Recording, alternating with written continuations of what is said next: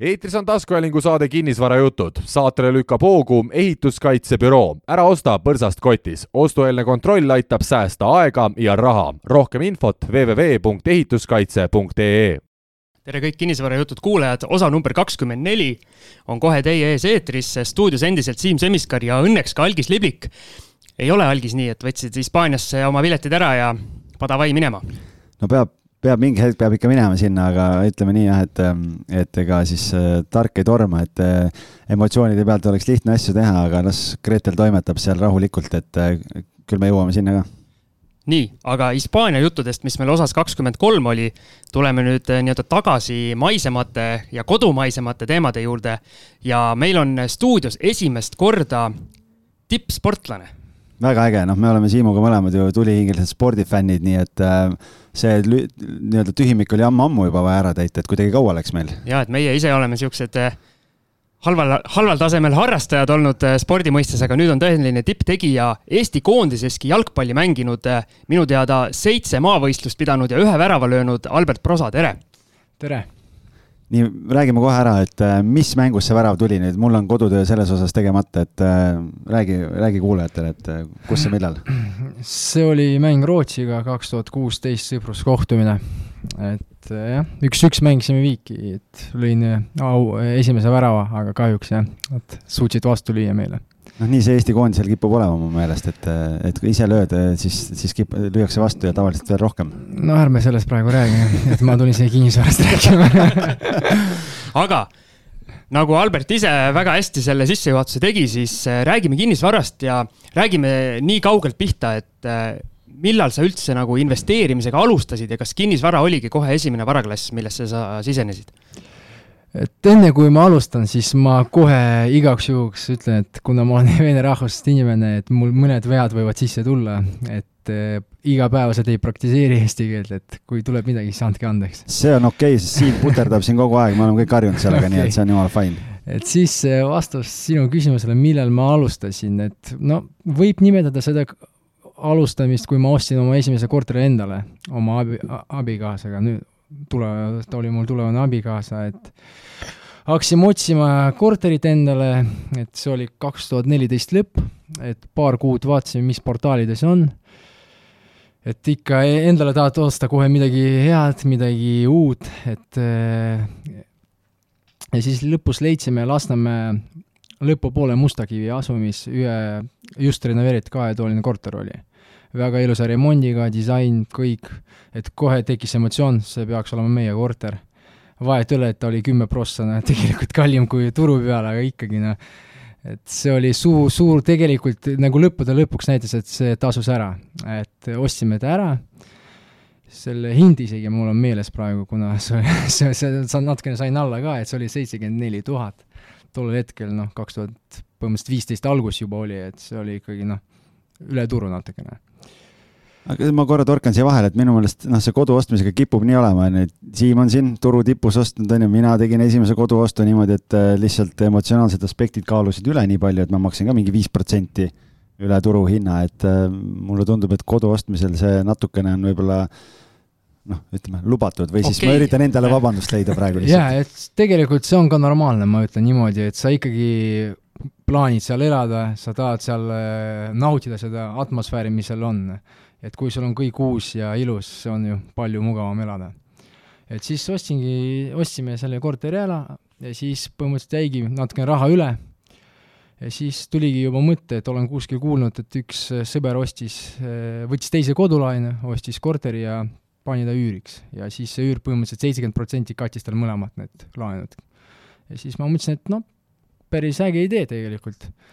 ja siis vaikselt hakkasin otsima üüriobjektina ja ma arvan, paar kuud. ja siis äh, lõppudel oli selline plaan, et ostame ära, paneme üüri ja ise elame seal, kus me, kus ostsime, et kuna nii ilus korter, et kõik. ja siis otsis, otsin nii kaua, et äh, tuligi see Lasnamäe alguses Pae pargi elurajoon. et seal just kerkis see neljateistkorruseline maja esimene, just, just sai tehtud, et kümme korterit oli veel alles ja hind oli ka uskumatu, ma ütleks tollel hetkel, et üheksakümmend neli, üheksakümmend üheksa ta oli müügis et noh, tollel hetkel see oli ka päris kõva sõna, ma ütlen, et aga ikkagi kuidagi see asukoht nii meeldis ja see park, mis seal tehti, et ma tean, et nad pani seal miljon eurot sisse enne seda, kui nad hakkasid, hakkasid ehitama üldse seal neid majusid ja niimoodi. ja tuli siis sisetunne, et see on õige koht. Ja siis äh, saingi niimoodi, läksin panka ja sain seda teist kodulaenu ja sii-, kuna ma, plaanis oli ikkagi jääda oma vanasse korterisse elama ja seda panna üüri, siis need plaanid natukene muutusid emotsioonid tulid mängu jälle. uus maja on uus maja ja Merk oskab ka ehitada, ma ütlen niimoodi, see ei ole reklaam, aga nad oskavad seda teha, nad kirjutan ka alla siin, pluss üks minu poolt. Nad oskavad seda teha ilusti ja korralikult ja siis me mõtlesime, mis me ikka elame vanas majas, kolime ikkagi uute majja, et on põhimõtteliselt Kadrioru lähedal juba kesklinn on paar minutit autost sõit, kõik on Ülemiste, kõik on siin kohal et jah, et siis läksime ise sinna ja, ja siis tuligi esimene, ütleme niimoodi, suurem pauk, mis mind üldse sinna kinnisvarasse tõukas, et öö, oli aeg üüri panna see korter, mis me just ostsime. ja loomulikult, kuna me hindasid ei teadnud, midagi ei teadnud, siis läksin portaali, vaatasin, noh, umbes. ja siis mäletan, et mis ta oli, ma panin mingi kolmsada viiskümmend alguses eurot, mõtlesin, oh, päris korralik summa tegelikult, nii ja naa, et siis naine ütles, vaata, mis korter meil on, et see on kindlasti rohkem väärt, et paneme nelisada ja siis paningi nelisada, see oli üks, kell üks öösel, neljapäev, ma mäletan väga hästi seda, panime kuldse kv.ee-sse, mõtlesin, noh, kui keegi helistab, siis vaatame ja siis hommikul hakkas pihta see ralli et postkast umbes, jah? jaa, ma ausalt, no, kuna sa ei tea seda, see on esimest korda, siis no see oli uskumatu, et öö, esimese päevaga, ma arvan, kümme inimest helistas. siis ma mõtlesin, äkki ma panen siis liiga madala hinna sinna kuulutusse ja siis vaikselt vaikis, vaikselt see hind kerkis ikka äh, mis ta oli, sada seitsekümmend eurot veel panin juurde. viissada seitsekümmend, jah. no kolmesaja viiekümne pealt viiesaja seitsmekümne peale on päris, päris hea. jah, ja siis lõppude lõpuks jah, ta läks, tootlust võite ise vaadata, seal lugeda, jah, ja peale seda siis tekkiski see mõte, et noh, selle asjaga võib edasi tegeleda ma tulen korra päris algusesse tagasi, tegelikult mul jäi kõlama see, et sa ostsid esimese kodu ja sa ütlesid, sul jäi raha üle. Aga küsimus ongi, võib-olla kuulajatel tekkis ka, et äh, kust see raha tekkis selleks esimese kodu ostuks ja, ja, ja noh, et jäi üle ka veel, et mis see taust seal taga on? jah, teile, tegelikult sellega ma tahtsingi alustada, et äh, üldse mõelda investeerimisele, sa pead ju kuskil seda raha võtma, aga kust sa ikka võtad, kui mitte ainult säästad või noh, kui sul ei ole rikkaid vanemaid ja kes ei saa sind aidata. Et loomulikult, et kui mul tekkis võimalus need, äh, seda raha panna kõrvale, siis põhimõtteliselt kahekümne aastaselt ma hakkasin seda tegema igakuuselt, et sissetulek kasvas, et tulin Tallinnasse elama ka vaikselt, palk kasvas, et mul oli tegelikult noh, selles mõttes päris korralik palk, kui võtta isegi Eesti keskmiselt, siis ma juba noorena hakkasin teenima natuke rohkem kui teised inimesed, et ma suutsin seda raha korralikult säästa. Ja ma ei tea, miks, aga mul kohe esimene mõte oli see, et ma ei osta endale autot et ma ei taha ennast sinna vangi panna mingi kolmeks-viieks aastaks, et äh, milleks ma äh, võtan endalt sellist äh, aega ära, noh. ja siis ma hakkasingi koguma raha ja siis tuligi korralik summa nelja poole aastaga. et tegelikult ma sain põhimõtteliselt noh, võtta kaks laenu aga kust see tarkus tuli, sa ütlesid, sa olid siis kakskümmend umbes, et eh, kus noorel mehel selline tarkus tuleb, et eh, sellised mõtted peast läbi lähevad, et ma arvan, et eh, mina selles vanuses mõtlesin kõige muu peale kui nii tarku mõtteid no ma tahaks öelda, et ma lugesin Robert Kiyosaki raamatut, on ju, ja või midagi sellist. nii aga, nagu kõik eelmised. nagu kõik eelmised, aga tegelikult ei olnud, lihtsalt kuidagi, ma ei tea, miks, aga see tuli, et see on, ma arvan, et kui sul on raha konto peal korralik summa, kui sa tunned ennast kindlalt, siis noh, see annab sulle juurde enesekindlust kõike, et kui sul on null seal konto peal, siis ma arvan, et sa ei tunne ennast väga kindlalt, et põhimõtteliselt algus sai sellega, et ma tahan noh, et mul oleks raha, ja siis pärast, kui juba see hakkas juba kogunema sinna konto peale, siis tulid juba mõtted, mida selle rahaga teha no üks hea asi äh, meil siin alles, alles mõni päev tagasi enne meie salvestuse päeva kinnisvarajuttude Facebooki grupis äh, keegi küsis, et miks me ei ole Lasnamäe kinnisvarast rääkinud ja. Albert ise ka seal kohe kommenteeris, et äh, kohe-kohe see asi tuleb ja nüüd, nüüd täna siis ongi see hetk ja see on väga hea, et aga kui sa nüüd selle esimese korteri ostsid, kas ma saan õig-, et siis kui suur see omafinantseeringu osa seal oli, et kui palju sa pangafinantseeringut sinna juurde võtsid kodulaenule? esimene korter mul oli kakskümmend viis protsenti omafinantseering ja, ja siis pank, noh, selles mõttes laenu ma saan väga, selles mõttes väga kiiresti ja rahulikult, ei olnud üldse probleemi. et kuna omafinantseering oli su nii suur kui sa nüüd võtsid selle teise korteri sinna juurde ja panid selle esimese korteri üürile selle viiesaja seitsmekümnega, et äh, kas see kattis sul juba oma kodulaenu makse ära, vähemalt ühe nendest äh, jäi sealt äh, nagu üle ka või kuidas need numbrid sealt nagu juba omavahel tööle hakkasid? mõlemat kattis mul no,. suurepärane investeering. no tuli nii välja, see ei olnud, et ma olen mingi geenius, see lihtsalt tuli nii välja, et tuli nii välja, et kuna tegelikult noh, kui sa isegi praegu vaatad, et äh, üürikorterid, häid korterid on vähe.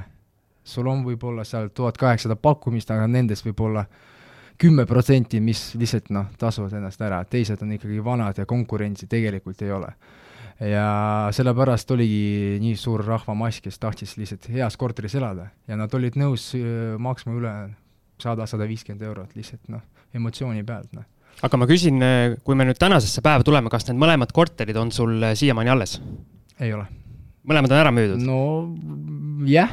aga, aga siis me saame välja tuua ka, palju see nii-öelda väärtuse kasv vahepeal on olnud aastate jooksul see oli väga korralik, et äh, millal sa müüsid üldse, kas sa müüsid korraga need või eri, eraldi aegadel või? ma räägin pärastpoole natukene, miks ma müüsin ja millal, et äh, väärtus, üks oli, ma usun, kolmkümmend protsenti, no pärast ma räägin, teine oli kakskümmend, ma arvan.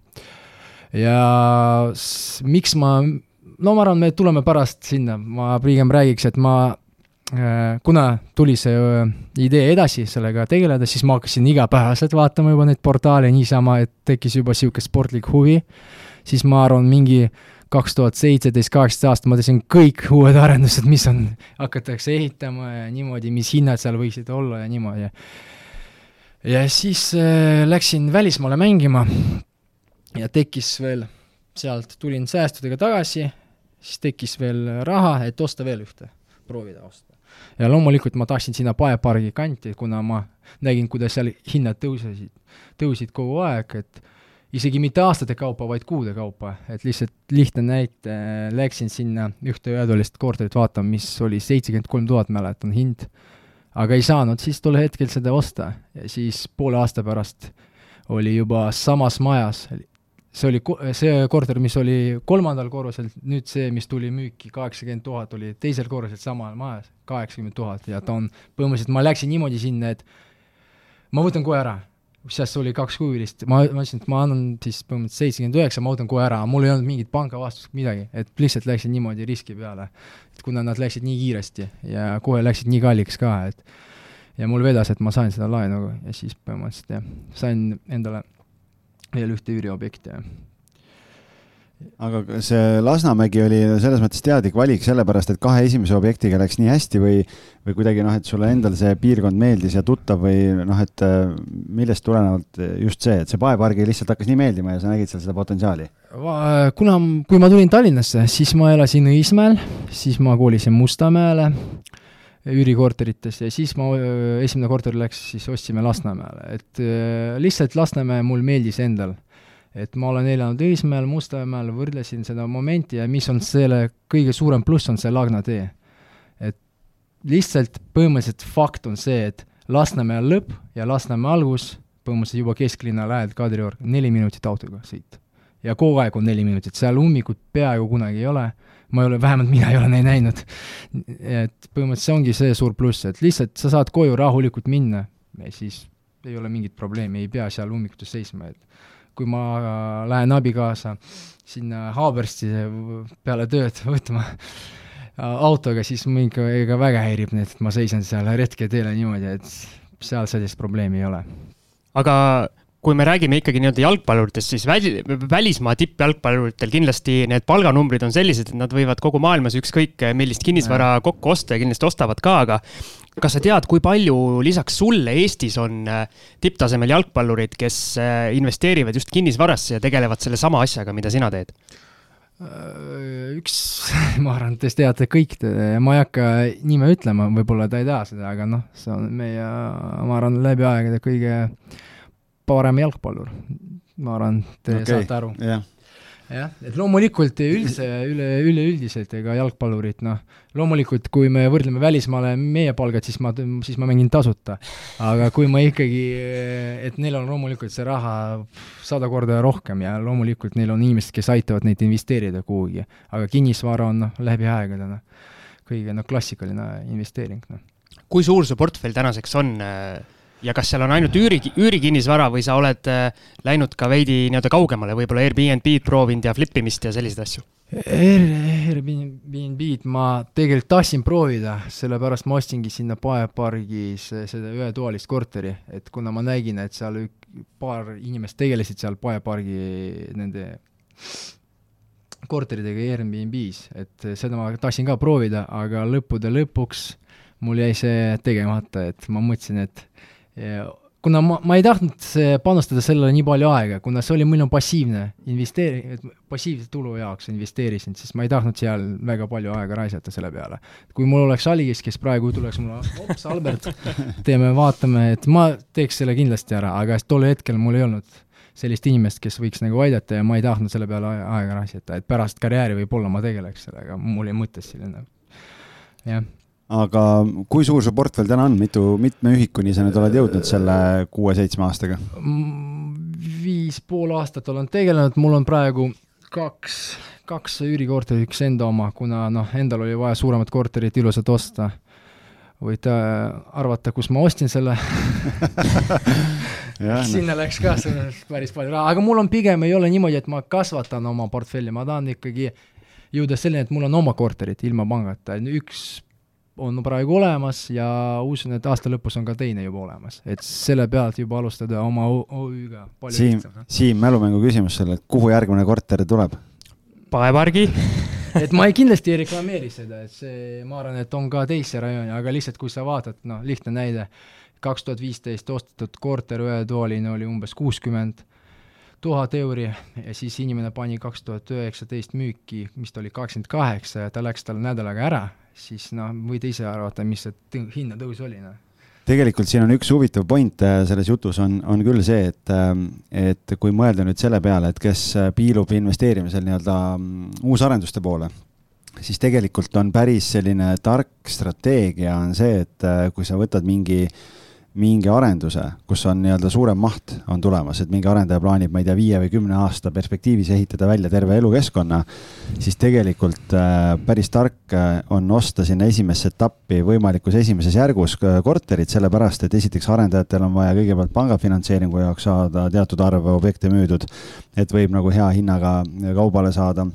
ja teine asi on see, et et juba üks asi on turu väärtuse kasv teine asi on selle enda koha kasv, sellepärast et iga järgmine etapp, iga järgmine maja, mida arendaja hakkab ehitama, siis müügihinnad on juba grammi võrra kõrgemad, ehk et see juba mõjutab tehingute statistikat. nii et kui sa arvestadki täpselt nii nagu Albert ütles, kolm aastat, viis aastat, kümme aastat edasi, siis juba ainuüksi arendaja tegevusest tulenevalt on sellel kinnisvaral väga suur väärtuse kasv, nii et siit võib-olla selline hea mõte, mis kaasa võtta see on sada protsenti nii, et mul tuligi see, kuna ma ostsin seda investeerimist esimest kor-, korteri Paepargi, see oligi esimene maja, neljateistkorruseline, seal hinnad, ma sain viis või kuus tuhat alla veel. puhtalt selle peale, et see olid viimased korterid, nad tahtsid juba alustada juba teist maja ehitama ja siis nad tegidki, tulidki vastu, pärast, aasta aja pärast nad olid juba tegelikult viisteist protsenti juba kallimad ja mingit alahindlusest seal juttu ei olnud.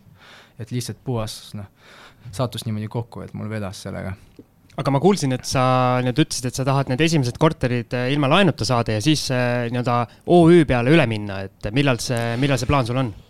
Eh, ma arvan, et järgmine aasta, see on, plaan on järgmine aasta, kuna praegu on vaja veel paar asja ära teha.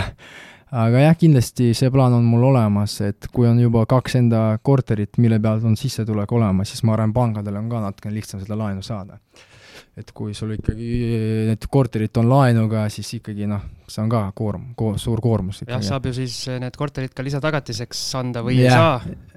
algis, tead sa, kui on eraisiku, eraisiku korter, kas saab?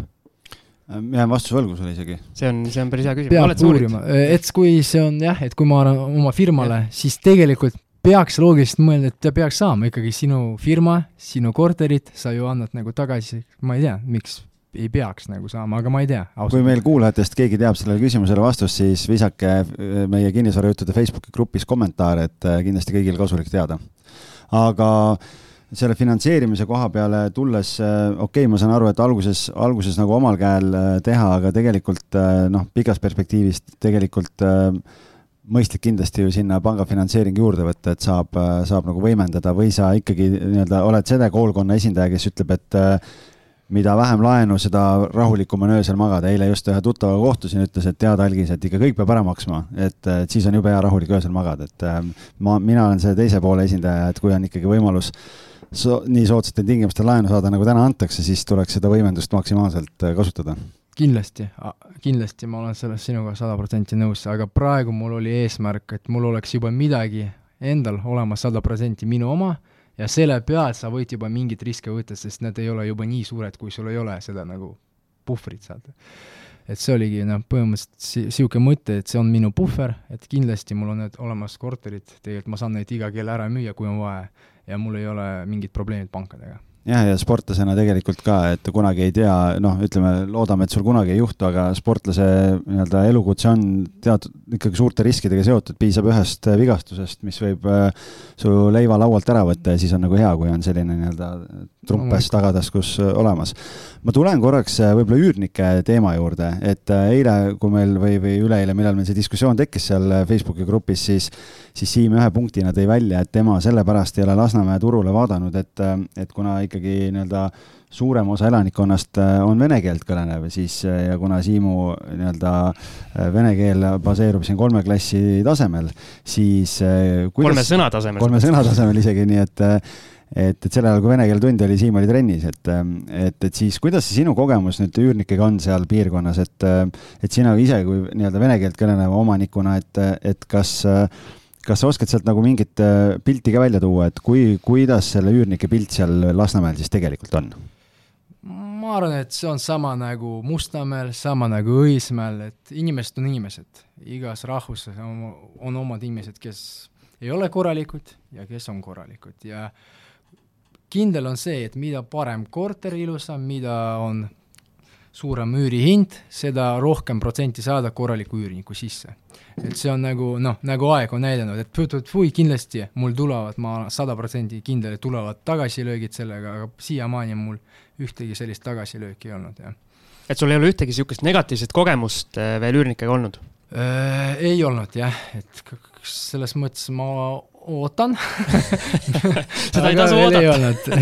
ütleme nii, et ma olen selles, selleks valmis kindlasti, aga jah, et siiamaani mul on nagu vedanud selles, kuna no ma arvangi, et see ongi põhifaktor, et hind, kui sul on ikkagi noh, kõrgem hind, siis noh, kindlasti sinna satub vähem inimesi, kes ei ole väga korralikud ja korrektsed aga oled sa ise käinud neid eh, nii-öelda korterid üürilistele näitamas ja on äkki juhtunud ka seda, et mõni on olnud suur jalgpallifänn ja vaadanud, et oo, et Albert Prosa ja sinna, sinna korterisse kindlasti tahan elama minna?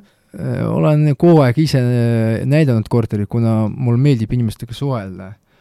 Ja vaadata, mis inimene on, on olnud inimesed, kes tuli, tulevad sisse ja ma esimese sekundiga ütlen, ma sulle korteri välja ei üüri, sest see on fakt, no ma näen inimest ja noh vahet ei ole, palju ta pakub mulle raha, et ma näen, et välimust niimoodi, et ma kindlasti ja ütledki otse niimoodi välja või? no otse ma võib-olla ei ütle, et aga ma ütlen niimoodi, et palju huvilisi, et kahjuks ma pean veel vaatama niimoodi, et siis annan teada, et see on aga esimeste sekunditega on sinul ja, nagu pilt selge? kui inimene tuleb no räpaste riietega korterit vaatama, siis no kahjuks minu jaoks see ei ole variant. Noh. ja tundub, et seni see nii-öelda enda see nii-öelda kõhutunne on, on õige olnud? no ma ei ole mingi ekstrasens, aga noh, kindlasti noh, sa proovid neid riske maandada, on ju, ja siis, kui sa näed, inimene tundub vähemalt korralik ja see taust on ka okei okay,, siis noh, miks mitte, loomulikult noh, kunagi ei tea, sada protsenti keegi ei saa sulle lubada, et see on korralik üürnik, aga praegu on siiamaani on vedanud sellega Algis, kuidas sul selle kõhutundega on maaklerina, sa pead ka seda päris palju kasutama?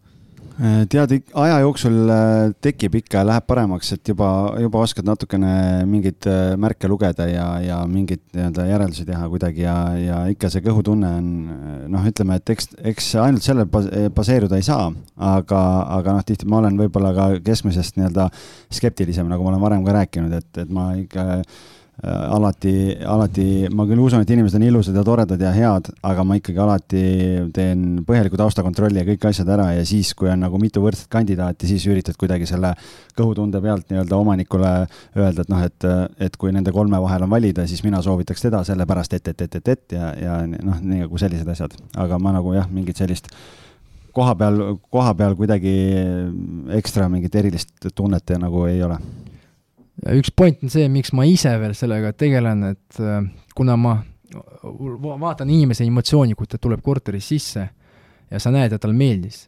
ja kui sa ütled talle, et see korter on, läheb kallimaks natukene, siis tavaliselt inimene on nõus sellega. et ta võib kallimaks minna ja ta ikkagi võtab ta ära. et kui sind koha peal ei ole, sa ei tea, noh, mis emotsioon on inimesel, siis sa ei saagi nagu selle hinnaga natuke mängida ka et siin see on ka üks pluss omanikul, kes saab ise seda korterit näidata, siis kasutage see võimalus ära, et sorry, algis, aga noh, selles mõttes ma olen juba harjunud Siimu kõrval siin sellega, et ma isegi ei viitsi, no, isegi ei viitsi võidelda. selle pealt võib endale natukene ka, pluss loomulikult makrit tasu ei ole selles mõttes, et sa saad selle pealt ka natukene hinna üles, hinda üles. aga kui palju sa sellist äh, nii-öelda online taustatööd teed, et vaatad, äh, vaatad võimalikke rentnikke, mingeid Facebooki kontosid ja selliseid asju teed ikka? nüüd teen, nüüd teen, aga vanasti ei teinud, et esimesed aastat ma ei ole seda teinud, ma ei, ausalt ei teadnudki mm, -hmm. et kuna noh, see oli nii, no ütleme nii, passiivne tegevus, et ma ei teadnud, et sellised variandid on olemas. nüüd ma kindlasti tean, ma teen, aga esimesed korrad ei ole teinud. aga kui sa nüüd eh, nii-öelda liigud tulevikus selle OÜ peale ja hakkad oma portfelli laiendama, et eh, kas sinu jaoks ikkagi see Lasnamäe ja see paepargi jääb see sihtkohaks või tahad vaadata kuskile teisi piirkondi ka? no mul on praegu Kristiines olemas üks objekt, et okay. kuna ma müüsin ikkagi neid, siis no, ma võt, räägin edasi. räägime edasi, jah. et eh, jah, siis me panime oma korteri müüki, mis kahetuline oligi, mis me ostsime alguses investeeriks ja ise kolisime sinna ja siis tuligi see teema, mis hind seal on või mis hind võiks olla. et kuna ma ise arvasin, et ma tean väga hästi seda turgu, ma olen kogu aeg analüüsinud, vaadanud, aga ikkagi panin natukene madalama hinda, et siis hakkas jälle üks kuu, viisteist kõnet, ma mõtlesin, kas ma panen üürile või ma panen müüki seda korteri, mis toimub nagu. järelikult noh, ma panin madala hinna ja siis mul õnnestus seda hinda veel tõsta ja, ja ta läks väga kiiresti ära, see korter. aga seal oli üks huvitav hindamis, see nüanss, et kuna korter, mis ta oli, sada, noh, ma võin rääkida, see ei ole probleem, ta oli sada kolmkümmend, ma panin sada kolmkümmend, ja siis eh, hindamisakt oli vaja teha sada kolmkümmend vähemalt. Ja siis helistan ühte kinnisvarabüroost, tahan hindamisakti tellida no ütlen andmeid, loomulikult nad, ma ütlesin, kas sa saad teha mul, kohe ütle mulle telefoni teel, kas on võimalik või ei ole. ei ole, sada kakskümmend viis on maksimum, ma ei saa midagi rohkem teha, ma mõtlesin, no tule vähemalt vaata, äkki saad, ei, ei, ei, see oli tuttava kaudu. siis helistan teise firma büroos, saad teha sada kolmkümmend kuule, saan rohkem teha, noh, ei ole probleemi, sada kolmkümmend viis isegi võib teha, noh. et selles mõttes ta vaatas, et seal tehingud on nüüd olnud, et ta sai teha seda rahulikult, et see oleneb ka, et kindlasti helistage mitu bürood läbi enne seda, kui te tellite hindamisakti. mis aastal sa müüsid selle ära? üheksateist. Okay, et ma ei pidanud seda müüma, aga kõhutunne oli sees, et ma vaatasin, kuidas need hinnad on ikka nii üleval, ma mõtlesin, et seda on vaja ära kasutada jah, see oli üheksateist aasta. no praegu Suur. kaks aastat on edasi läinud, et praegu seal oleks kindlasti seda väärtust veel juurde kerinud, aga oleksid ei maksa? oleks kindlasti ja ma arvan, ma saaks ka rohkem tollel ajal natukene, aga kuna see oli niisugune käik, et ma müüsin selle korteri ära ja refinantseerisin ühte laenu, sain endale täiesti oma korteri, see oligi põhimõte, eesmärk. aga mis sa siis asemele ostsid? Asemele ma ostsin endale kolmetoalise korteri et oli vaja kuskil elada, laps oli sünnis. mitu korrust kõrgemale läksid Paepargis? nüüd mul on üksteistkümnes korrus, ilus vaade, vanalinn ja meri ja kõike, et selles mõttes loomulikult see, see pidurdab investeerimist, loomulikult sa tahad ka elada, ega sa ei, ei saa nüüd kõik raha panna nüüd investeerimisse, elad kuskil ühetoalises korteris ja su naine ütleb, milleks sul seda vaja üldse, noh, kui me elame niimoodi. kindlasti ma tahan seda balanssi leida, et peab ikka noh, kui sa oled noor, sul ei ole pere, siis sa võid äh, säästa maksimaalselt kuni viiskümmend protsenti palgast loomulikult. kui sul on ikkagi laps ja sul on abikaasa, kes tahavad elada praegu kohe, kuna see vanus ongi kõigi, ma arvan, mõnusam vanus praegu, et on vaja elada ja nautida elu ka, et sellepärast tuligi selline ost ka. aga kindlasti see ost tuli niimoodi, et tulevikus noh, see peaks hinnakasv ikkagi, ma loodan selle peale, et kui sa ilusti sisustad ka nagu One Estate kinnisvara on ju, siis, siis see annab kindlasti juurde. Noh. see kõrvad liiguvad, kõrvad liiguvad Rek-, reklaamisekundid ja, ja, ja aga, aga jah. ma arvan, et äh, me teeme siia vahele väikese pausi, meil on pool tundi kenasti see jutt veerenud, teeme pisikese pausi ja siis lähme juba edasi selle, loodetavasti selle Kristiine korteriga ja,. jah, jah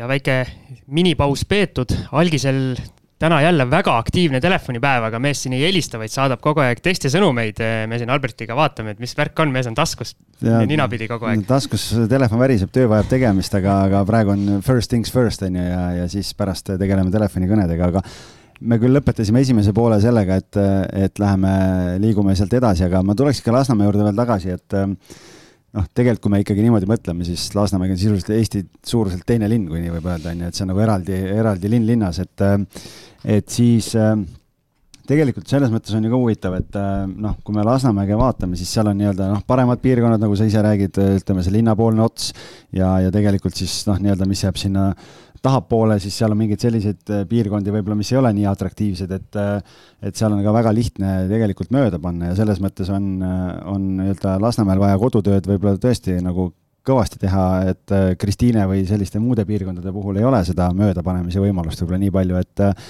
et äh, sa oled ise rääkinud siin see paepargi piirkond ja nii edasi, aga et, et äh, noh, ma arvan, et me ei pea siin nagu nii-öelda teadmisi vaka all hoidma ja ikkagi jagame parimat nõu oma kuulajatele, et võib-olla kui, kui me nüüd võtame, jätame selle paepargi osa nagu kõrvale, et kui mõni meie kuulaja ikkagi nii-öelda tõsiselt äh, plaanib siin äh, Lasnamäe poole ka vaadata, mis need piirkonnad on, mis sina soovitad võib-olla, et äh, mis on nii-öelda Lasnamäel hinnas, et äh, on see sinna Meeliku poole, Paasiku, kõik see piirkond või on see kuskile nagu sinna äh, Punase tänava kanti või mis, mis see sinu nii-öelda kogemus näitab?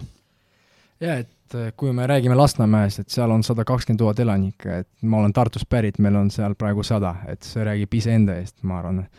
et ja need inimesed, kes elavad Lasnamäel, ma arvan, üheksakümmend protsenti tahavadki elada Lasnamäel, usume, et nad ei taha elada Kristiines ega Mustamäel, sest Lasnamäe on nende jaoks nagu oma, oma kodu lihtsalt ja siis need, mis need perspektiivi, no praegu vaata, kuna hinnad on juba tegelikult nii üles tõusnud, siis on juba seda tootlust on väga raske saada, seda väga head tootlust. aga no üks näide ka oli, et mis oli kaks tuhat kaheksateist aasta, kui sa tead, need mäe korte, kolm maja, mis mäel kerkisid, seal veel nüüd praegu Circle K ka on mm. -hmm. et seal ma otsin üürikorteri ja kahjuks ma jällegi ei saanud osta, aga seal tuli üks ühetoaline müüki, mis oli hea planeeringuga. Et mis on hea planeering, et kõik räägivad hea planeering, hea planeering, aga mis see on hea planeering? minu jaoks hea planeering on see, kui sul on ühetoaline, aga ta on tegelikult funktsionaalne, ta on nagu, võib nimetada seda väikse kahetoaliseks korteriks. et äh, köök ja niisugune äh, elutuba põhimõtteliselt ühel pool ja siis teine tsoon on voodi, kus sa saad paigutada. see oma kogemuste peale, see annab nagu pluss sada eurot umbes üürile ja siis nad oligi vahe, miks ma, miks ma just Lasnamäe alguses nagu otsin korterit ja üldse vaatasin ainult sinna, et kuna see on juba kesklinna nii lähedal, et lihtsalt nii lihtne näide, see korter oli kaheksakümmend tuhat, maksis ühetoaline, eh, mis oli väga hea planeeringuga. ja kolmsada meetrit allapoole, mis on juba Kadriorg, samasugune ruutmeeter korter ja see ei olnud isegi nii hea planeering, oli juba kakskümmend, kakskümmend viis tuhat kallim aga tegelikult üüritootlus on ju sama sealt, seal sa ei, sa ei küsi ju seal mingi tuhat eurot, on ju, kaks korda suurem. ja põhimõtteliselt ma soovitasin oma tuttavale, heale sõbrale ja ta ostis ta ära praegu ja siis ma ei hakka ütlema, mis hinnaga ta üüris, aga tootlus oli kaheksa protsenti. et see oli ka, ma hea meelega võtaks ta endale, aga kahjuks noh, mul ei olnud võimalust ja see ongi noh üks näide. et Lasnamäe, aga praegu see ei ole nii atraktiivne, kuna praegu seal on nii juba hinnad, hinnatõus oli nii suur ka, et need Bonava, mis ehitavad seal liiku, liikuri kvartale, need, nad ikkagi noh, juba suht kallid, et eh, kindlasti sinna tasub osta, aga see ei ole juba nii suur tootlus nagu neli-viis aastat tagasi et no eks see on igas linnaosas samamoodi. jah, ja et see on loogiline, jah. aga noh, seal see hinnakasv tuli kuidagi kiiremini. ma lihtsalt ütlen, et kui on nagu tava, viie aastaga umbes kakskümmend protsenti on see hinnakasv või kakskümmend viis, siis seal oli mingi kolmkümmend, nelikümmend juba, et see oli nii kiire ka et ainuke võib olla see, et kus praegu see paekalla, kus see Merko ehitab praegu, seal oli, esimest vist viis maja on praegu ehitatud ja sinna tuleb veel mingi umbes kakskümmend. ja ma tean, et seal detailplaneeringus peaks juba edasi haigla tulema niimoodi, et see kindlasti, see koht, kus see areneb kindlasti. ja see on päris äge piirkond, et ma isegi sõitsin autoga läbi sealt ja see on tõesti kihvt, ta on nagu metsa, metsaga ümbritsetud selline eraldi täiesti privaatne osa ja ja seal tuleb, ma tean, mingid kas kultuurikeskused ja mingid lasteaiad ja noh, väga terviklik elukeskkond keskkond tekib, et et selles mõttes on neid peidetud pärle seal Lasnamäel omajagu. aga ma siia torkan vahele, et kui Albert rääkis siin heast planeeringust, siis kindlasti kuulake üle meie osa number kuus, kus Kalle Aron käis ka sellest samast asjast rääkimas, et mis nagu, mis teha nende ühetoalistega, et kuidas need muutagi selliseks funktsionaalseks kahetoaliseks ja tänu sellele oma tootlust tõsta. aga ma siis küsin niimoodi, et me siin enamasti, kui ma õigesti aru saan, räägime nii-öelda Lasnamäel ikkagi uusarendustest praegu. Et aga mis see, mis see nii-öelda järelturu nii-öelda korteri väärtus seal Lasnamäel on, kas on mõtet minna kuskile nii-öelda vanasse paneelikasse endale, osta üks kahetoaline ja proovida seal seda üüriäri? oleneb korterist et kui ma lõpetan just need piirkonnad, mis on perspektiivsed, kindlasti see Lasnamäe lõpp, kus on Priisli, et sa viis, panid just eh, gruppi seda üüritoo mingi üksteist protsenti, kindlasti seda veel, ma ei usu, et seda saab, aga mingit oma seitse protsenti, võib-olla kaheksa, oleneb, võib-olla isegi on võimalik saada. et see koht on väga ilus, seal on väga palju rohelisusi ja tegelikult, mis on Lasnamäe eelis minu jaoks vähemalt, kui ma loogiliselt võtan, et Õismäe on juba linna lõpp Nõmme, siin linna lõpp. Äh, Priisli, Priisle, Lasnamäe lõpp on tegelikult Pirita algus ju, on ju, see läheb kokku Piritaga ja see on ka ju suur pluss. et see, sinna veel ehitatakse suur Prisma, ma arvan, teadlik sellest, et sinna ka tuleb elu sisse, et ma arvan, et seal hinnad on, võivad isegi veel natukene tõusta kiiremini kui tavalistel objektidel kuskil teistes mujal et see on ka üks koht, Lasnamäe lõpp sinna, just Priisli poole, et kui te sa vaatad Ümera poole, kus on juba noh, suur tee, Peterburi tee, maantee, see, see juba ei ole nii perspektiivikas nagu seal. et isegi ma ütlen teile niimoodi, et ma olen rääkinud hindajatega ja kui sa võtad Mustakivi, see Kärberi pool, kui sa tead, see Kärberi pool ja see teine, kus on Mahtra pool, tegelikult Ladna tee on vahel. ühel pool on McDonalds. algis teab, ma väga ei tea. ja see Kärberi pool on viis kuni seitse protsenti kallimat korterit kui see üle tee. kas sa tead, kus on Lasnamäel McDonalds? ja Circle K, McDonalds, kui sõidad kanalist linnast välja, paremat kätte on. ma tean küll, jah. see McDonaldsi pool on odavam ja sellest teisel pool Laagna teed, seal on äh, MyFitness ja, ja, see mingi ja, keskus ja, seal äh,. Kivila park ja, on seal. kas see on kuidagi seotud McDonaldsiga, et odavam on? ei, ei, ei usu, ma arvan see ei ole seotud McDonaldsi, lihtsalt seal on Kivila park, seal on juba Priisli, seal on juba Pirita pool ja seal kuidagi inimesed tahavad rohkem osta. ma ütlen, ma, ma praegu siin kuulan teid ja mul on tunne, et ma seda osa kuulan umbes viis korda ja samal ajal võtan eh, KV endal kõrvale lahti ja hakkan vaatama, kus mida pakutakse. ma tegin korra kiirelt, tegin kohe kodutöö ära praegu siin eh, ja ma räägin natuke Lasnamäe üürituru numbritest teile, küll mingitest hindadest ja ruutmeetritest ei räägi, aga ma praegu vaatasin KV-d. et Lasnamäel on praegu kakssada viiskümmend üürikorterit pakkuda. sellest eh, ühetoalisi on sada ehk nelikümmend protsenti umbes. kahetoalisi on kaheksakümmend ehk et ühe ja kahetoalised moodustavad kahesaja viiekümnest sada kaheksakümmend. kolmetoalisi on viiskümmend viis ja neljatoalisi on seitse. nii et, et siin igaüks saab ise vaadata, millist segmenti ta püüab, aga kindlasti on oma, igal segmendil on omad võlud ja, ja ma tahaks ikkagi uskuda, et äh, Lasnamäel kolme- ja neljatoaliste korterite mul näitab, et siin nagu võiks olla potentsiaali, et, äh, et see on kindlasti üks koht, mida, mida tasub uurida aga kuidas siis ikkagi nende järelturu korteritega on? Äh, ma ei ütle, et seal on mingid soodsad hinnad, et äh, kui mina osti, hakkasin seda esimest korterit kunagi ostma kaks tuhat viisteist aasta, siis Lasnamäe järelturu korterid ja Mustamäe Kristiine olid viis, umbes vahe viisteist, kakskümmend protsenti tegelikult. ja siis ma mäletan veel pangatöötaja ütles, ma ei saa aru, miks kuradi Mustamäel on nii eh, suured hinnad, tegelikult majad on vanemad, on ju, mingi kuuskümmend siuksed aastad. Lasnamäel on kaheksakümmend, isegi mõned on üheksakümmend, et kuna see on uuem rajoon. et ma ei saa aru, miks nad on kallimad, aga praegu nad on juba umbes sama, ma ütlen niimoodi. et ei saa nüüd öelda, et Lasnamäel sa ostad ja nüüd sa võidad bingot, kindlasti nüüd ei ole nii mina ise üürisin just Lasnamäel välja ühe ühetoalise korteri, ühe kliendi korteri keskmises seisukorras. Köök oli eraldi ja rõdu ja, ja noh, ütleme, ma arvan, remont sihuke viisteist, kakskümmend aastat tagasi tehtud. ma vist tean seda klienti. ja tead jah, ja, ja kööki eriti ei olnud, et oli kraanikauss ja noh, nipet-näpet asju veel, et ütleme, et äh, nii-öelda seda potentsiaali seal korteris tegelikult oleks, kui see nagu ära teha aga omanik on niisugune no, vanemapoolne naisterahvas ja noh, ega tema seal midagi tegema ei hakka.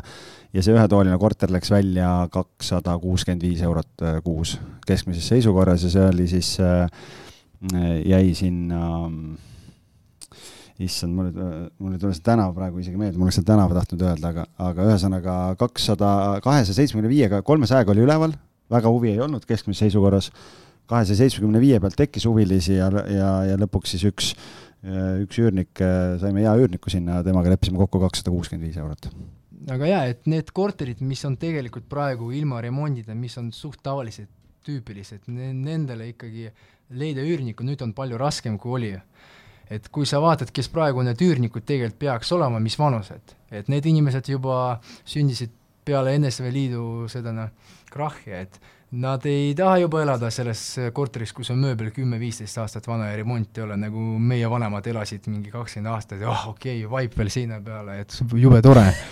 et nad tahavad elada ilustes, ilusates korterides, heades tingimustes, et tingimused oleks head ja loomulikult nad juba vaatavad endale ikkagi kas või vana, vanemates majades, aga renoveeritud ilusad korterid või siis juba uued majad ka. see on päris hea point.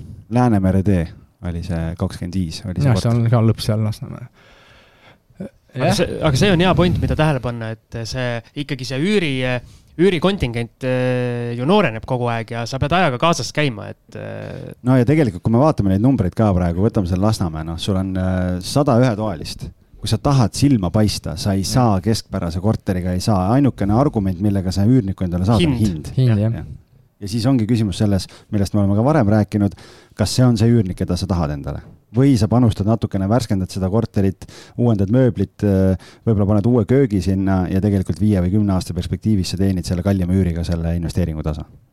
jah, täpselt nii, see sama mõttekäik siin, jah.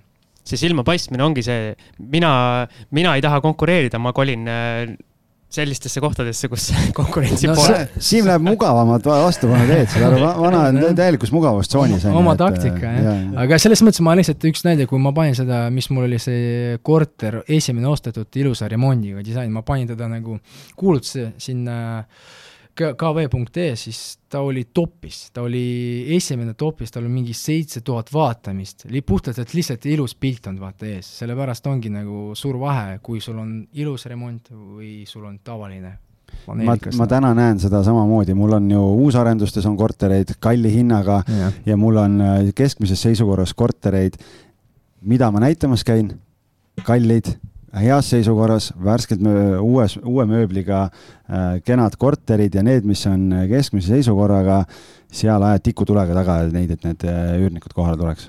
seal peabki hinnaga siis nii-öelda lööma mm,? teist varianti jah, jah ja. aga kui sa nüüd nii-öelda tulevikus hakkad äh, oma seda portfelli suurendama, et on sul juba välja mõeldud, mis su need kriteeriumid on, et äh, kas ühetoalised, kahetoalised, võib-olla see mingi luksus, luksussektsioon, need mingi neli pluss tuba ja täiesti viimase peal oled sa mõelnud selle peale? no tark on ikka omada kõik tüü-, tüüpi korterit, kõike tüüpi korterit, aga noh, see on lihtne öelda, et praegu mul on üks kriteerium, et mina eelistaks väikseid kahetoalist korterit, kuna see üüri, potentsiaalne üüri, üüriinimesi on palju rohkem selle, et seal saab nii kahekesti elada kui ka üksinda, tegelikult saab ka väikse lapsega veel, kui sa kannatad kuidagi, et see on nagu, see segment on palju suurem kui tavaliselt mul käis eile ühte kolmetoalist korterit vaatamas perekond, neljakesi elavad neljakümne kolme ruudu peal kahetoalises korteris. ütlesid, et aitab küll, enam ja. ei jaksa.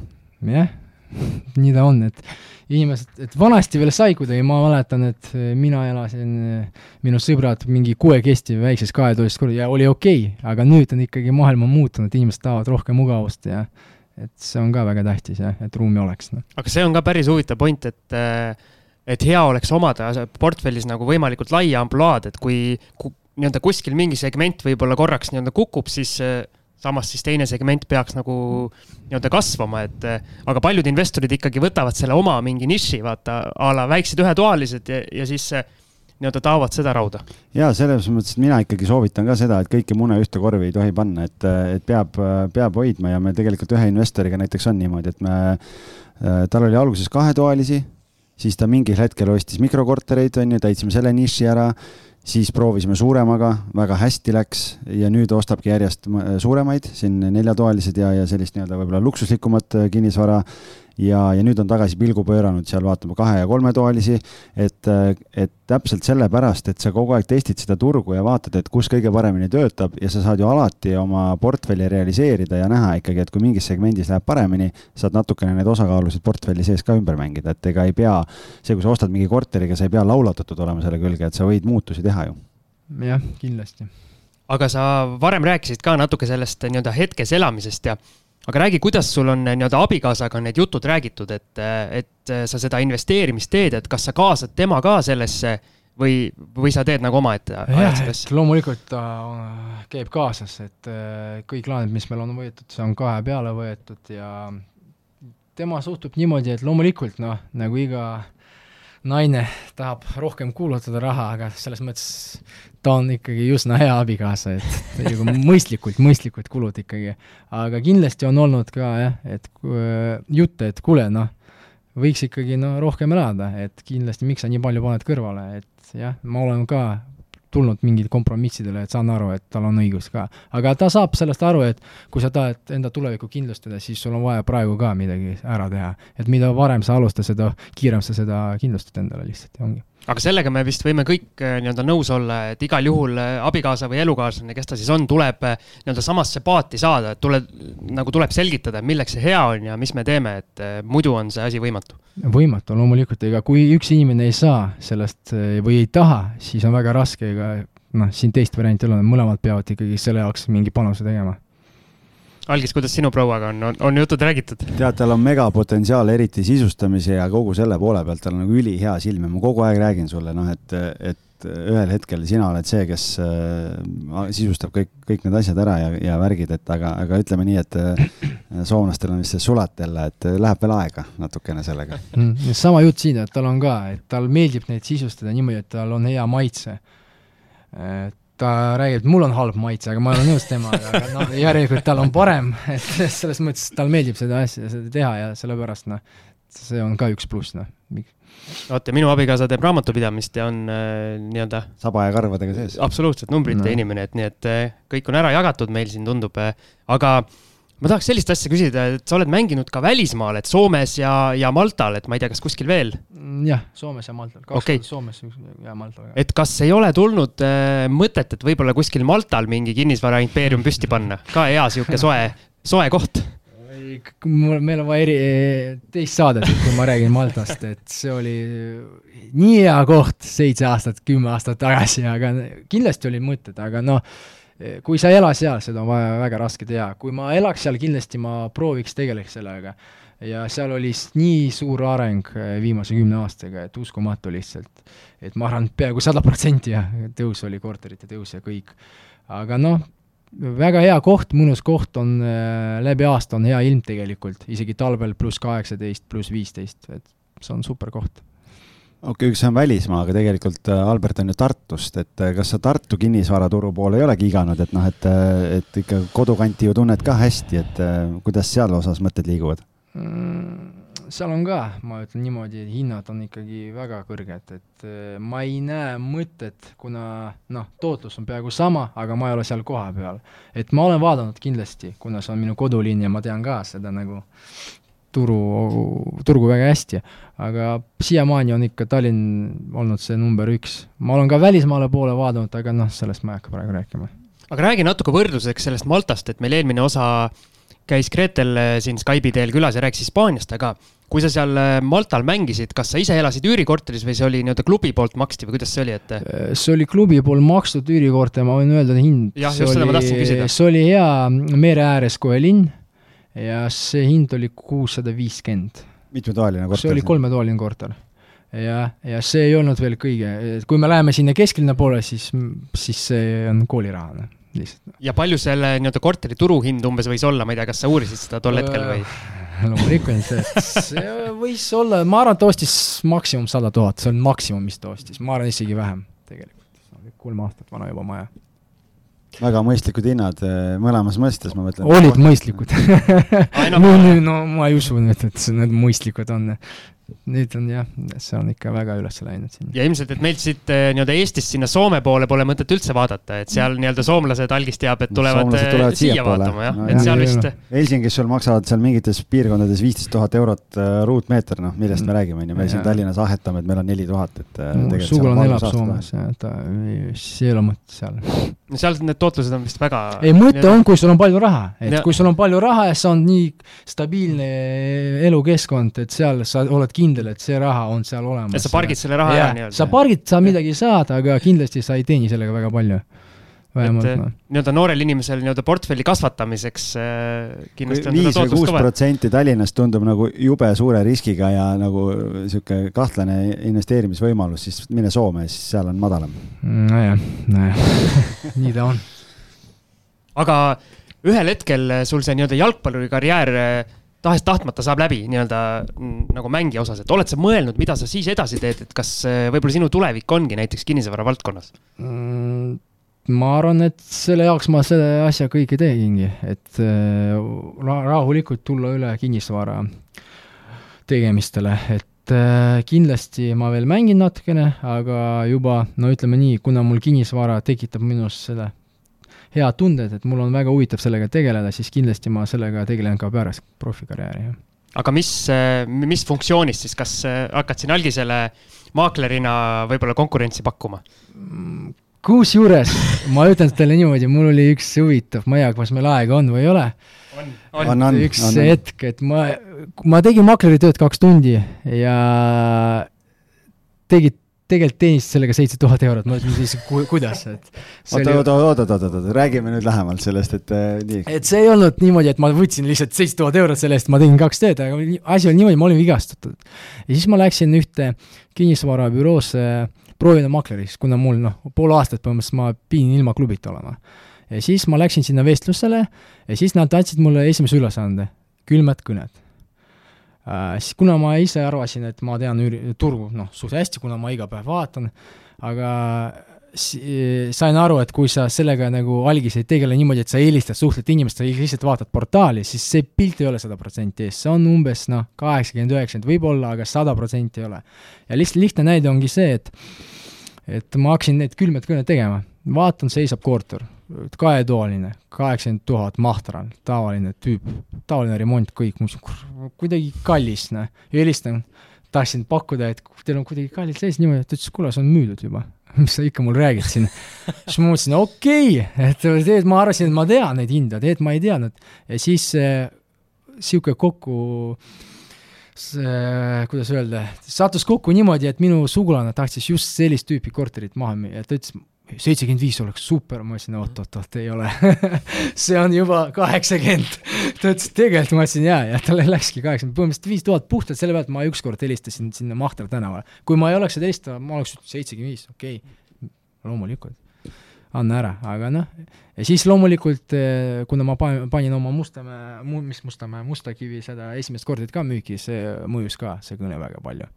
Et ma panin palju suurema hinna. no vot, Algis, meil on siin naturaalne talent on üle ma räägin, et siin mees paneb kuldmune siin igal sammul, et äh, ei ole mingit talenti siin lihtsalt eh, mõned asjad on vedanud niimoodi ja et lihtsalt info info, meil on informatsiooni ajastu ja mida rohkem infot sa saad, seda rohkem asju saad ära teha. kui kaua sa olid maakler siis lõpuks? no kaks tundi olingi, et Ah. helistasin, ma ütlesin okei okay,, no see ei ole külmad kõned, ma kindlasti ei hakka rohkem tegema, et see, ma pigem ise tegelen oma asjaga, aga kindlasti see maakleri töö, ma tegeleks sellega puhtalt informatsioon, info pärast, ma ütlen nii, et see on väga kasulik info, mis sa sealt saad. isegi kui sa ei teeni sel hetkel raha seal, sa saad nii palju infot juurde, mis pärast sa võid eh, pan-, panustada ja saada mingi raha kätte.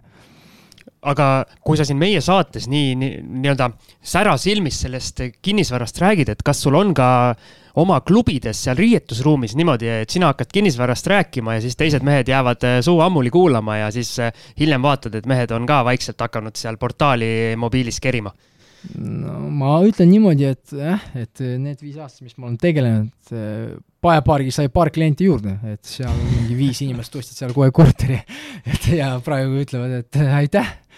Et ütleme nii, et loomulikult ma räägin inimestega, kellel on huvitav seda kuulata, kui sul inimesele seda ei ole huvitav kuulata, ei ole mõtet ka rääkida, et kindlasti mul on oma vanuse äh, sõbrad, mis mul on minu vanuses, mis juba mõtted on juba teistsugused kui hoopis kahekümneaastased, mis meil tegelikult vestluskonnas väga palju mänginud on. et nemad kuulavad, küsivad ja mõned isegi on huvitatud ja investeerida, jah no väga põnev, ma räägin siin, vaata jälle, see on ka tegelikult maakleri töö, et ta viis kliendid sinna, tegelikult kui ta oleks nagu maaklerina, siis ta oleks saanud sealt vahendustasu küsida, sellepärast et äh, arendajad teevad koostööd. äkki peaks tagantjärele arendajale kirja saatma, et ei, ma mul te-. väike osanik juba siin. see oli hea, jah. tegime nalja juba selle üle aga kas seda mõtet ei ole tekkinud, et noh, praegu sa toimetad üksinda, aga me oleme siin eelmistes saadetes ka rääkinud, noh, et kui panna sõpradega seljad kokku ja, ja noh, et äh, mitmekesi teha, et saab nagu kiiremini kasvada, et kas mingeid selliseid sõpru ei ole, kes äh, kõrvalt on öelnud ka, et kuule, Albert, et äh, teeks koos mm,? on olemas need inimesed ja ühel inimesel on isegi suur projekt ees, aga veel niimoodi ei ole mõeldud, ma olen ikkagi kuna mul on juba tead mingi päris suur kapital, noh, tegelikult on, noh, no ta ei ole suur, aga noh, et alustada selle kapitaliga on palju lihtsam kui väiksema summaga, siis ma saaks ka üksinda, aga loomulikult kui tuleks, ma olen sellele avatud, kui tuleb inimene ja pakub midagi huvitavat, kas või sina, Algis, kas või sina, Siim, siis ma kindlasti vaatan üle ja ma oleks isegi huvitatud mingit asja ära teha kahekesti, kolmekesti, loomulikult. aga noh, siin on kõige suurem probleem, nagu te olete rääkinud kõik saadet, et sa pead äh, usaldama seda inimest, loomulikult sada protsenti sa kunagi ei saa seda teha, aga noh, kui sa juba näed ja sa usaldad sees inimest natukene, kas või saad aru, et ta on korralik, nagu ma praegu räägin teiega ja noh, mul tuleb positiivne, miks ma siia tulin, sest mul tekkis positiivne tunne teie podcast'i üle. ja sellepärast ma olengi siin, et noh, kui inimene pakub mulle seda positiivsust ja head energiat, siis kindlasti nii häid sõnu pole ammu keegi meile öelnud. super, Siimul läks silm märjaks kohe, et nagu noh, saad sa, tahad koguda ennast või saame edasi minna? ei, ma lihtsalt mõtlen, et sina saad pigem ju nii-öelda nagu maaklerina kogu aeg kriitikat, et nüüd siis öeldi nii hästi. maakleritel on, see nahk on nii paks, muidu ei saaks selles valdkonnas nagu toimetadagi, et see on siuke. tead, ma olin ka maaklerite vastu, ma arvan, et paar aastat kindlasti, aga nüüd ma vaatan teise nurga alt, et kui on hea maakler, kahjuks üheksakümmend protsenti või kaheksakümmend ei ole väga head maaklerit, et see on kahjuks, et ma ei hakka neid story'si rääkima, aga on head inimesi, on head maaklerid, kes teevad reaalselt väga hästi oma tööd ja neid ma austan. ma olen sada protsenti nõus sellega. väga hea, mina ka yeah.. ma, ma olen tuhat protsenti, nii et, et aga kui sa nüüd võtad, võtad nagu mingi aja siin edasi jälle, et kui noh, sa ütlesid, sa tahad mõned aastad veel nagu mängida, et et ega noh, siin Eesti kontekstis seda jalgpalli tõenäoliselt seda raha juurde ei teki ja, ja noh, kui mingites teistes valdkondades võib-olla on see, et noh, et et, et siin võib, võib ka Covidi ajal nagu paremini teenida, siis noh, jalgpallis tõenäoliselt nagu sponsorrahasid ja kõike seda on nagu keerulisem, et et kuidas sa nüüd ise näed seda, et sul on mingi kapital on juba ju olemas, aga kui kiiresti sa nüüd tahad kasvada, et sellel aastal ostad ühe korteri veel, aga mis see, mis see kaugem perspektiiv, oled sa mingi konkreetse eesmärgi ka pannud endale? eesmärk on no, konkreetne on olemas, see on pikaajaline eesmärk, järgmised kümme aastat, et ja ma oleks finantsvaba, see on minu põhiline eesmärk. kuidas ma sinna jõuan ja kui kiiresti ma seda ei tea, aga see on eesmärk, et need kümme aastat ma panen maksimumi peale selles valdkonnas ja siis vaatame, mis saab aga mis sa arvad eh, nii-öelda praeguse visiooni kohaselt, palju sul eh, nii-öelda objekte peaks olema selleks, et eh, see fin-, finantsvabadus käes oleks? ma arvan, et asi ei ole objektides, asi on tootluses, et sul võib olla kolm objekti ja kui nende tootlus on väga hea ja nad on kallid, siis põhimõtteliselt sellest ka piisab tegelikult noh, mõnes mõttes. aga no kindlasti noh, ütlen niimoodi, et ma ei tea, palju neid objekte peab olema, aga kui nad katavad eh, minu elu, kuidas ma tahan elada ja kui nad katavad need kulud ära, siis sellest juba piisab tegelikult. aga kui abikaasa tahab eh, elustandardit tõsta, siis eh, abikaasa... Albert peab järjest nii-öelda tootlust tõstma, on nii? loomulikult ja loomulikult, aga noh, ütleme nii, et praegu kõik on okei okay,, et loodame, et tulevikus on ka need standardid, no selles mõttes iga inimene, see on mugavustsoon igal inimesel. Kui sul on juba midagi olemas, sa tahad veel rohkemat. aga kuskil see piir peab ka olema, selles mõttes, et kui sa juba teenid näiteks paar miljonit kinnisvaraga, aga sa ikkagi ainult oled seal ja sa ei saa endale midagi lubada, teed, tegelikult sa saad, aga sa lihtsalt ei tee seda. sa lihtsalt panustad, panustad, panustad, siis miks sa elad üldse siis, lõppude lõpuks viiskümmend sa hakkad elama, aga no ma arvan, et kolmkümmend, nelikümmend on ikkagi natuke ilusam aeg kui viiskümmend no,. Vaba, meil... vabandust, need inimesed, kes on praegu viiskümmend, vabandust, et noh. meil siin äh, päris mitmed nii-öelda kaugele jõudnud investorid on, on seda rääkinud, et äh, alguses neil on ka olnud mingi hästi konkreetne plaan samamoodi, et ühel hetkel nii-öelda lõpetavad ära ja elavad sellest passiivsest sissetulekust aga siis äh, see valdkond nagu kinnisvarana hakkab nii väga meeldima, et neid tehinguid ja asju tehakse juba põhimõtteliselt hobi korras, et nii-öelda fun'i pärast, et äh, samamoodi meil Eduvalemi podcast'is käis Urmas Sõõrumaa, kellel ma arvan, ei tohiks raha nii-öelda probleeme juba ammu olla. aga mees ikka tegutseb äh, nii laial rindel ja nii paljudes kohtades, aga see on tema jaoks juba nagu hobi, et võib-olla kas sa näed ka, et kümne aasta pärast sa oled küll saavutanud oma selle taseme, mis sa tahad, aga ikkagi tegutsed seal kinnisvaras edasi mitte nii väga numbrid silme ees, aga just selle nagu lõbu pärast, mis sa sealt saad. täpselt seda ma tahangi, et kindlasti see ei ole, minu jaoks on igav elada niimoodi, et sa ei tee rohkem midagi, lihtsalt istud kuskil rannas või kodus ja niimoodi.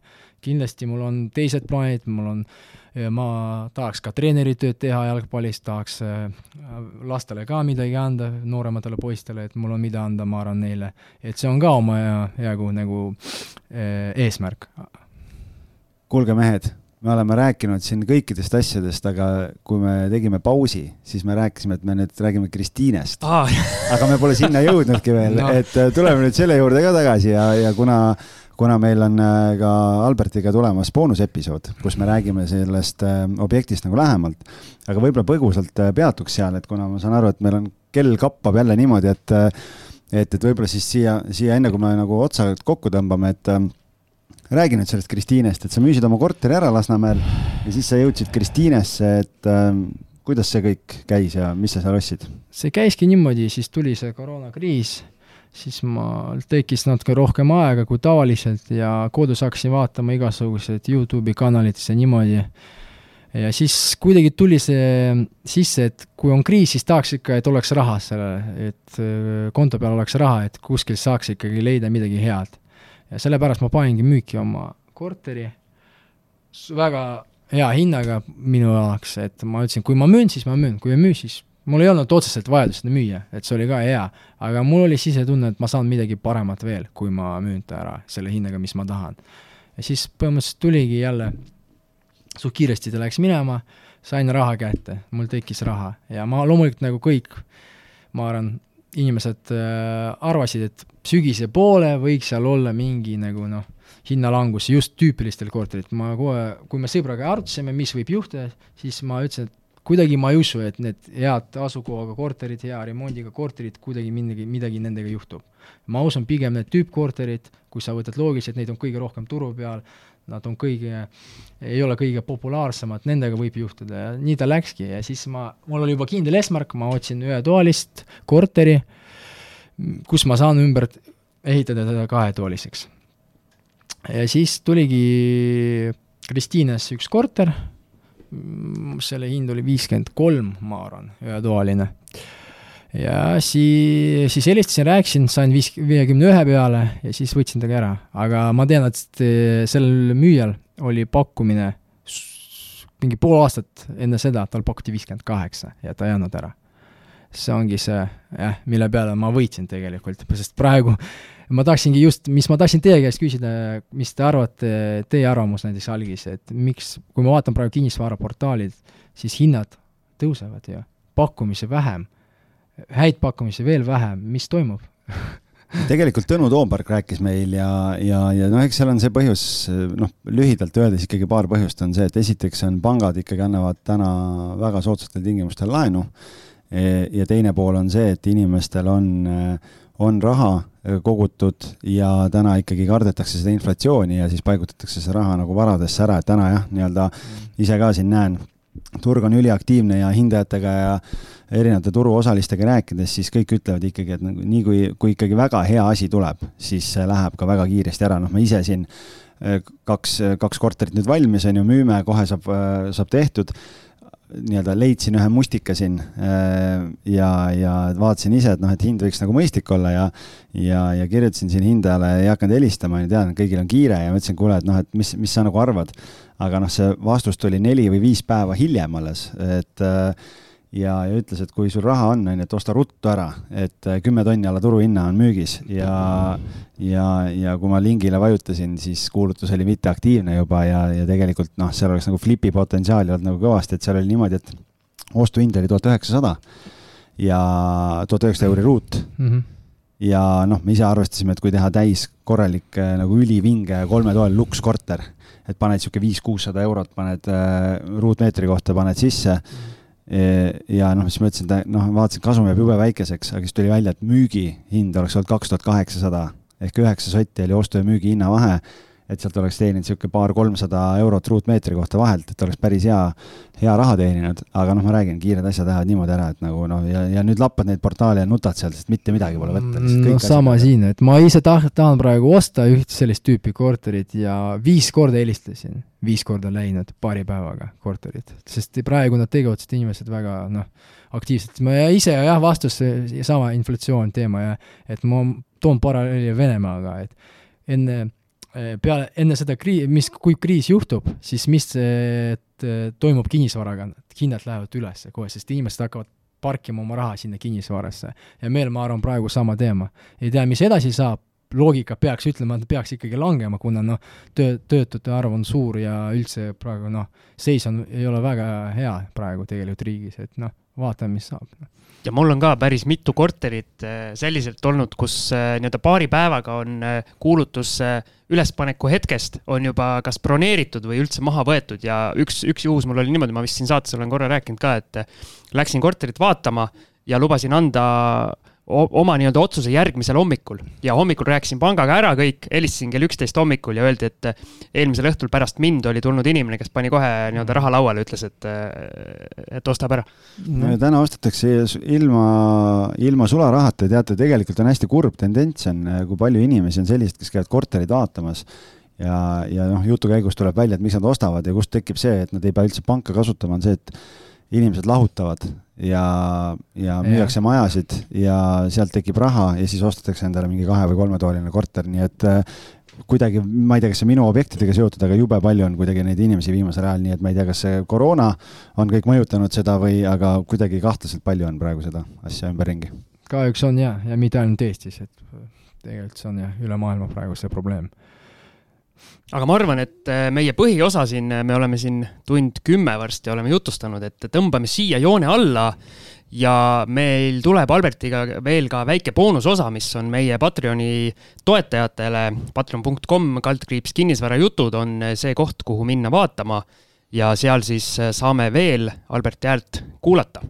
Ja suur tänu, Albert, sulle ülipõnev oli, nii et väga äge on näha, et, et ka Eesti tippsportlased tegelevad investeerimisega, nii et ülikihvt aitäh teile! ja mulle meeldib, et Albert on ka aktiivne meie kinnisvarajuttude Facebooki grupis, ehk siis kellel on küsimusi Lasnamäe kohta või siis otse Albertile, et siis eh, kindlasti pange seal grupis. Paekalda kohta. jah, et pange grupis eh, teema teele ja kindlasti eh, saame siin nii-öelda Alberti ekspertiisi ka seal Facebooki grupis nautida. ja, Siim, aitäh sulle ka! jah, ja siit on side lõpp, kõigile tänud, olge tublid ja olge terved! head aega!